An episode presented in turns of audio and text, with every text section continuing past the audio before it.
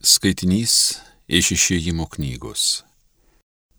Visa izraelitų bendruomenė iškeliavo iš Elimo ir antrojo mėnesio 15 dieną po išėjimo iš Egipto atvyko į Sino dykumą, plytinčią tarp Elimo ir Sinajaus. Visa izraelitų bendruomenė tyruose ėmė niurnėti ant Mozės ir Arono. Izraelitai jiems priekaištavo.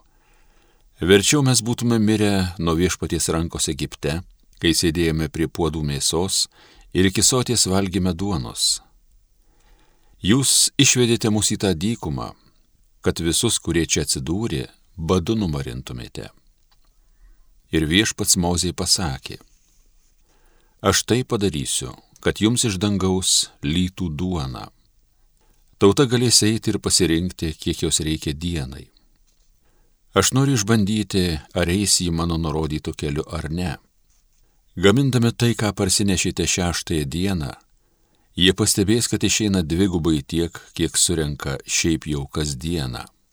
Mozi pasakė Aronui, pranešk visai izraelitų bendryjai, stokite viešpaties akivaizdon, nes jis išgirdo jūsų nirzgimą. Kai Aronas visai izraelitų bendryjai tai pranešė, tie atsisuko į tyrus ir štai apsireiškė viešpaties šlovė debesies pavydalu viešpats prabilo į Mozę. Aš išgirdau Izraelitų niurnėjimą, tad jiems pasakyk, šį vakar pavalgysite mėsos, o rytą pasisotinsite duoną. Taip jūs pažinsite, kad aš, viešpats, esu jūsų dievas. Vakare atskrido daug putpelių ir nutupė stovyklą, o rytą aplink stovyklą krito migla Kai miglai įsisklaidė, ant tyrų paviršiaus pasirodė smulkus grūdeliai, lyg kruopos, tartum šerkšnas ant žemės. Tai išvykę izraelitai vienas kitą klausinėjo. Manau, tai reiškia kas tai. Mat jie nežinojo, kas tai būtų. Ir Mozė jiems paaiškino, tai duona, kurią jums valgyti duoda viešpats. Tai Dievo žodis.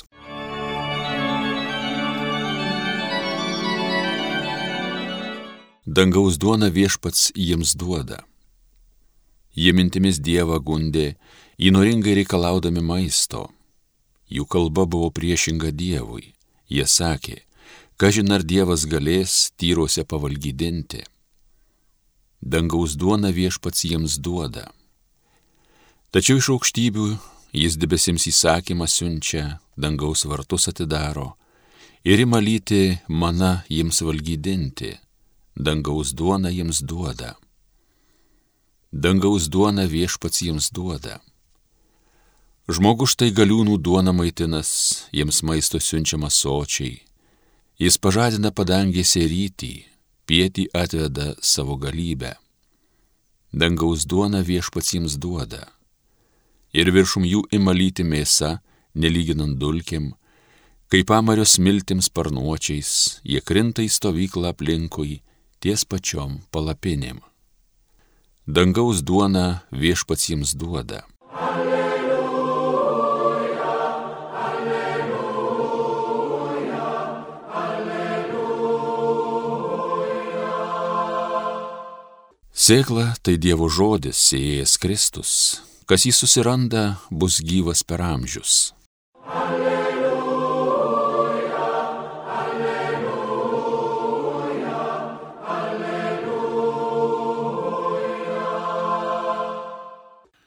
Viešpat su jumis. Pasiklausykime Šventuosios Evangelijos pagal Matą. Vieną dieną išėjęs iš namų Jėzus sėdėjo ant ežero kranto. Prie jo susirinko didžiulė minė, todėl jis įlipo į valtį ir atsisėdo, o visi žmonės stovėjo pakrantėje. Ir jis daugiems kalbėjo palyginimais. Jis sakė, Štai sėjėjas išsirengė sėti. Jam besėjant vieni grūdai nukrito prie kelio ir atkritę paukščiai juos sulėsi. Kiti nukrito ant uolų, kur buvo nedaug žemės. Jie netrukus sudygo, nes neturėjo gilesnio želmenio. Sauliai patekėjus, daigai nuvyto ir neturėdami šaknų sudžiuvo. Kiti grūdai nukrito tarp erškiečių. Erškiečiai išaugo ir nusmelkė juos. Dar kiti nukrito į gerą žemę ir davė derlių. Vieni šimteriopą grūdą, kiti šešiasdešimteriopą, dar kiti trisdešimteriopą. Kas turi ausis, te klauso. Tai viešpaties žodis.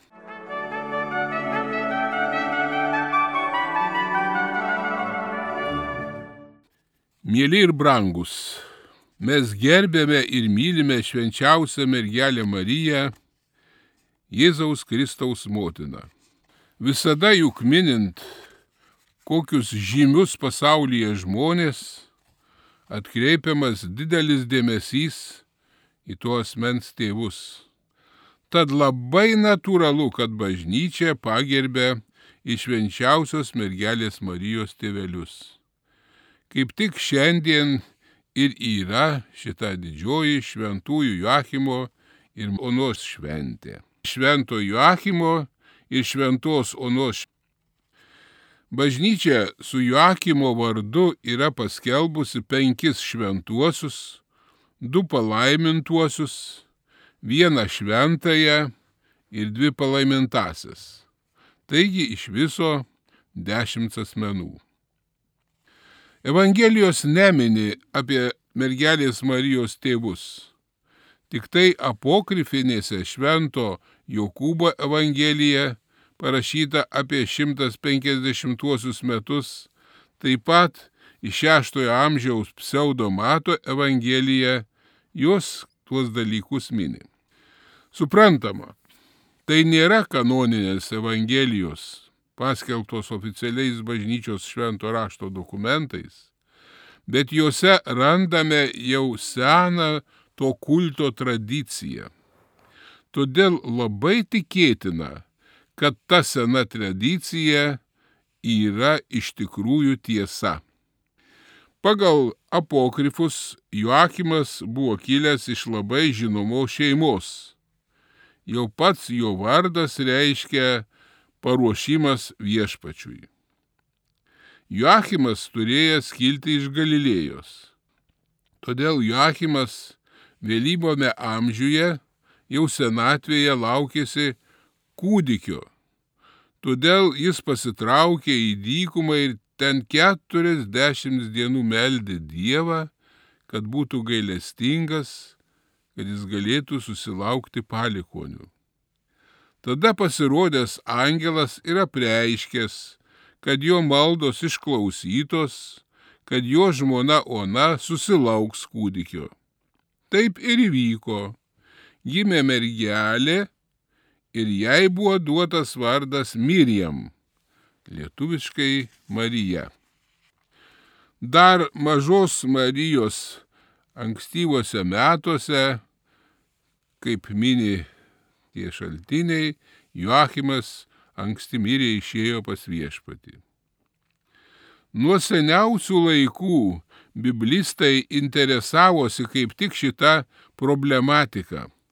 Todėl evangelistai pateikia kaip tik Jėzaus genealogiją, mato pirmasis skyrius ir Luko trečiame skyriuje. Nes tai ypač susiję su mergelės Marijos Juozapo viešpaties Jėzaus Kristaus globėjo kaip tik genealogija.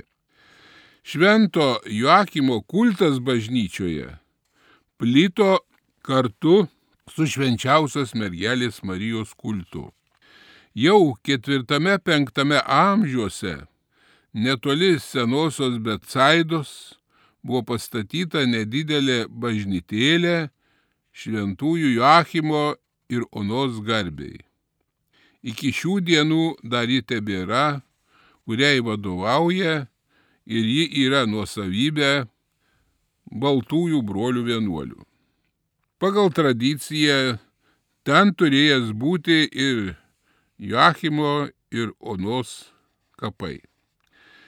Švenčiausias Marijos šventė išplito rytų bažnyčioje. Tai lygiai taip pat labai išplito ir šventimas, prisiminimas jos tėvelių. ji buvo švenčiama įvairiai. Tai būdavo švenčiama arba atskirai, bet dažniausia kartu abiejų Joachimo ir Onos šventės. Vakarų bažnyčioje jį išplito X amžiuje. Popiežius Urbonas VI 1378 metais ją įvedė Anglijoje. Popiežius Julijus II 1522 metais šios šventės kultą išplėtė visai bažnyčiai ir jai buvo skirta kovo 20. -oji. Taip pat popiežius Grigalius XIII ją perkelė į Liepos 26 dieną.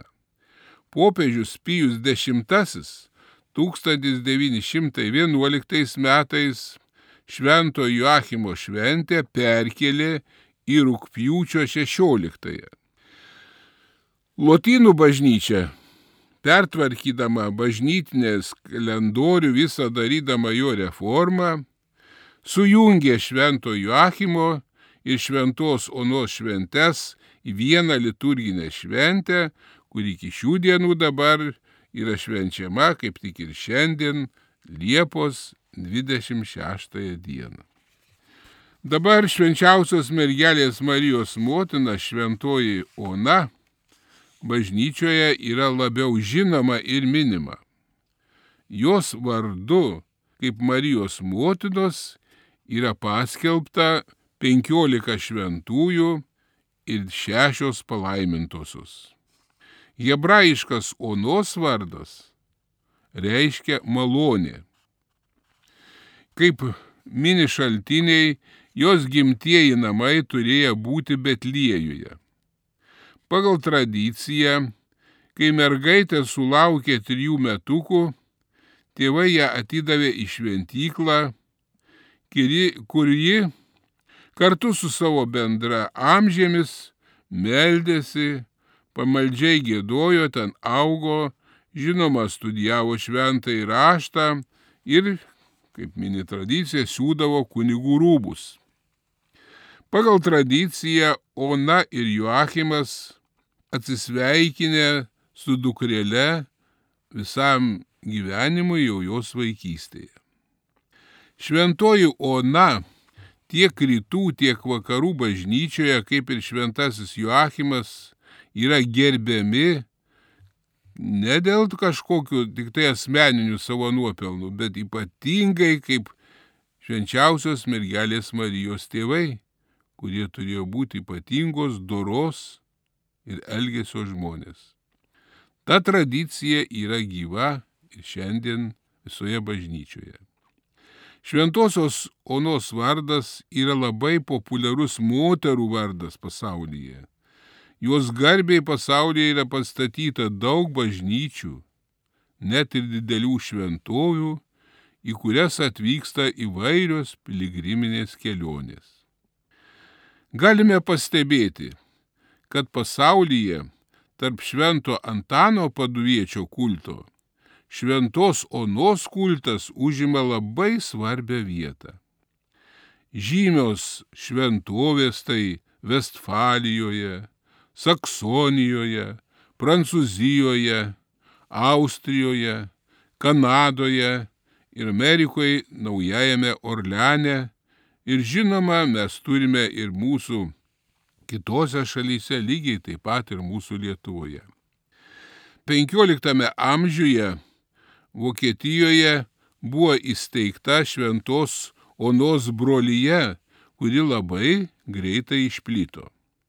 Netgi dargi Vatikane vadinamoji parapijinė bažnytėlė turi šventos Onos vardą. Šventoji Ona yra paskelbta globėja daugelio vietovių ir jos vardą nešioja ne tik tai atskiri žmonės, bet ir kartais ir atskiros įstaigos, bendrijos ir panašiai. Per visą istorinį bažnyčios laikotarpį Šventos Onos vardu net yra penki moterų vienuolynai. Bažnytinėje muzikoje taip pat yra jos garbiai sukurta parašyta daug kūrinių, net 118 himnų ir 36 sekvencijos. Vakarų bažnyčioje seniausias šventos onos atvaizdas yra kilęs iš 8 amžiaus. Taip pat jos freska išlikusi Romoje švenčiausios mergelės Marija Antikva šventovėje. Šiandien šventos onos kultas labai paplitęs įvairiuose kraštuose. Jos užtarimo kreipiasi sutoktiniai, ypač motinos, o dar labiau našlės. Taip pat jūreiviai, kadangi jų globėjas yra paskelbta šventoji Ona. Mus šių dienų krikščionis labai guodžia ta mintis, kad ne vienas pasaulyje žmogus nėra Dievui kažkoks anonimas. Kiekvienas turime jo kūriniuose savo vietą, nes esame jo sukurti. Todėl natūralu, kad šventoji Ona, kaip švenčiausias mergelės Marijos motina, labai gerbiama ir mylima daugelio šventovių, daugelio maldininkų, kiek pasaulyje galėtume sutikti ir neįskiriant mūsų lietuvėlės prie šito paveikslo besimeldžiančių ir prašančių viešpati jos užtarimo. Dievas yra apstus gailestingumo, todėl jis nėra pavydus mūsų prašymams. Tad šalia mūsų mėgiamų šventųjų, kurių kiekvienas turime, te būna dažnesnė mintis ir malda prie mergelės Marijos tėvų švento Joachimo ir šventos Onos autorių paveikslų. Ypač prašykime jos užtarimo pas viešpatį įvairiuose mūsų gyvenimo reikaluose nes ji, būdama švenčiausios mergelės Marijos ir motina, ir būdamas tėvas šventasis Joachimas, yra labai tikime galintis pas viešpati užtarti mus, kada mes tikrai su giliu tikėjimu pasitikėdami kreipiamės į juos užtarimo pas viešpatį. Amen.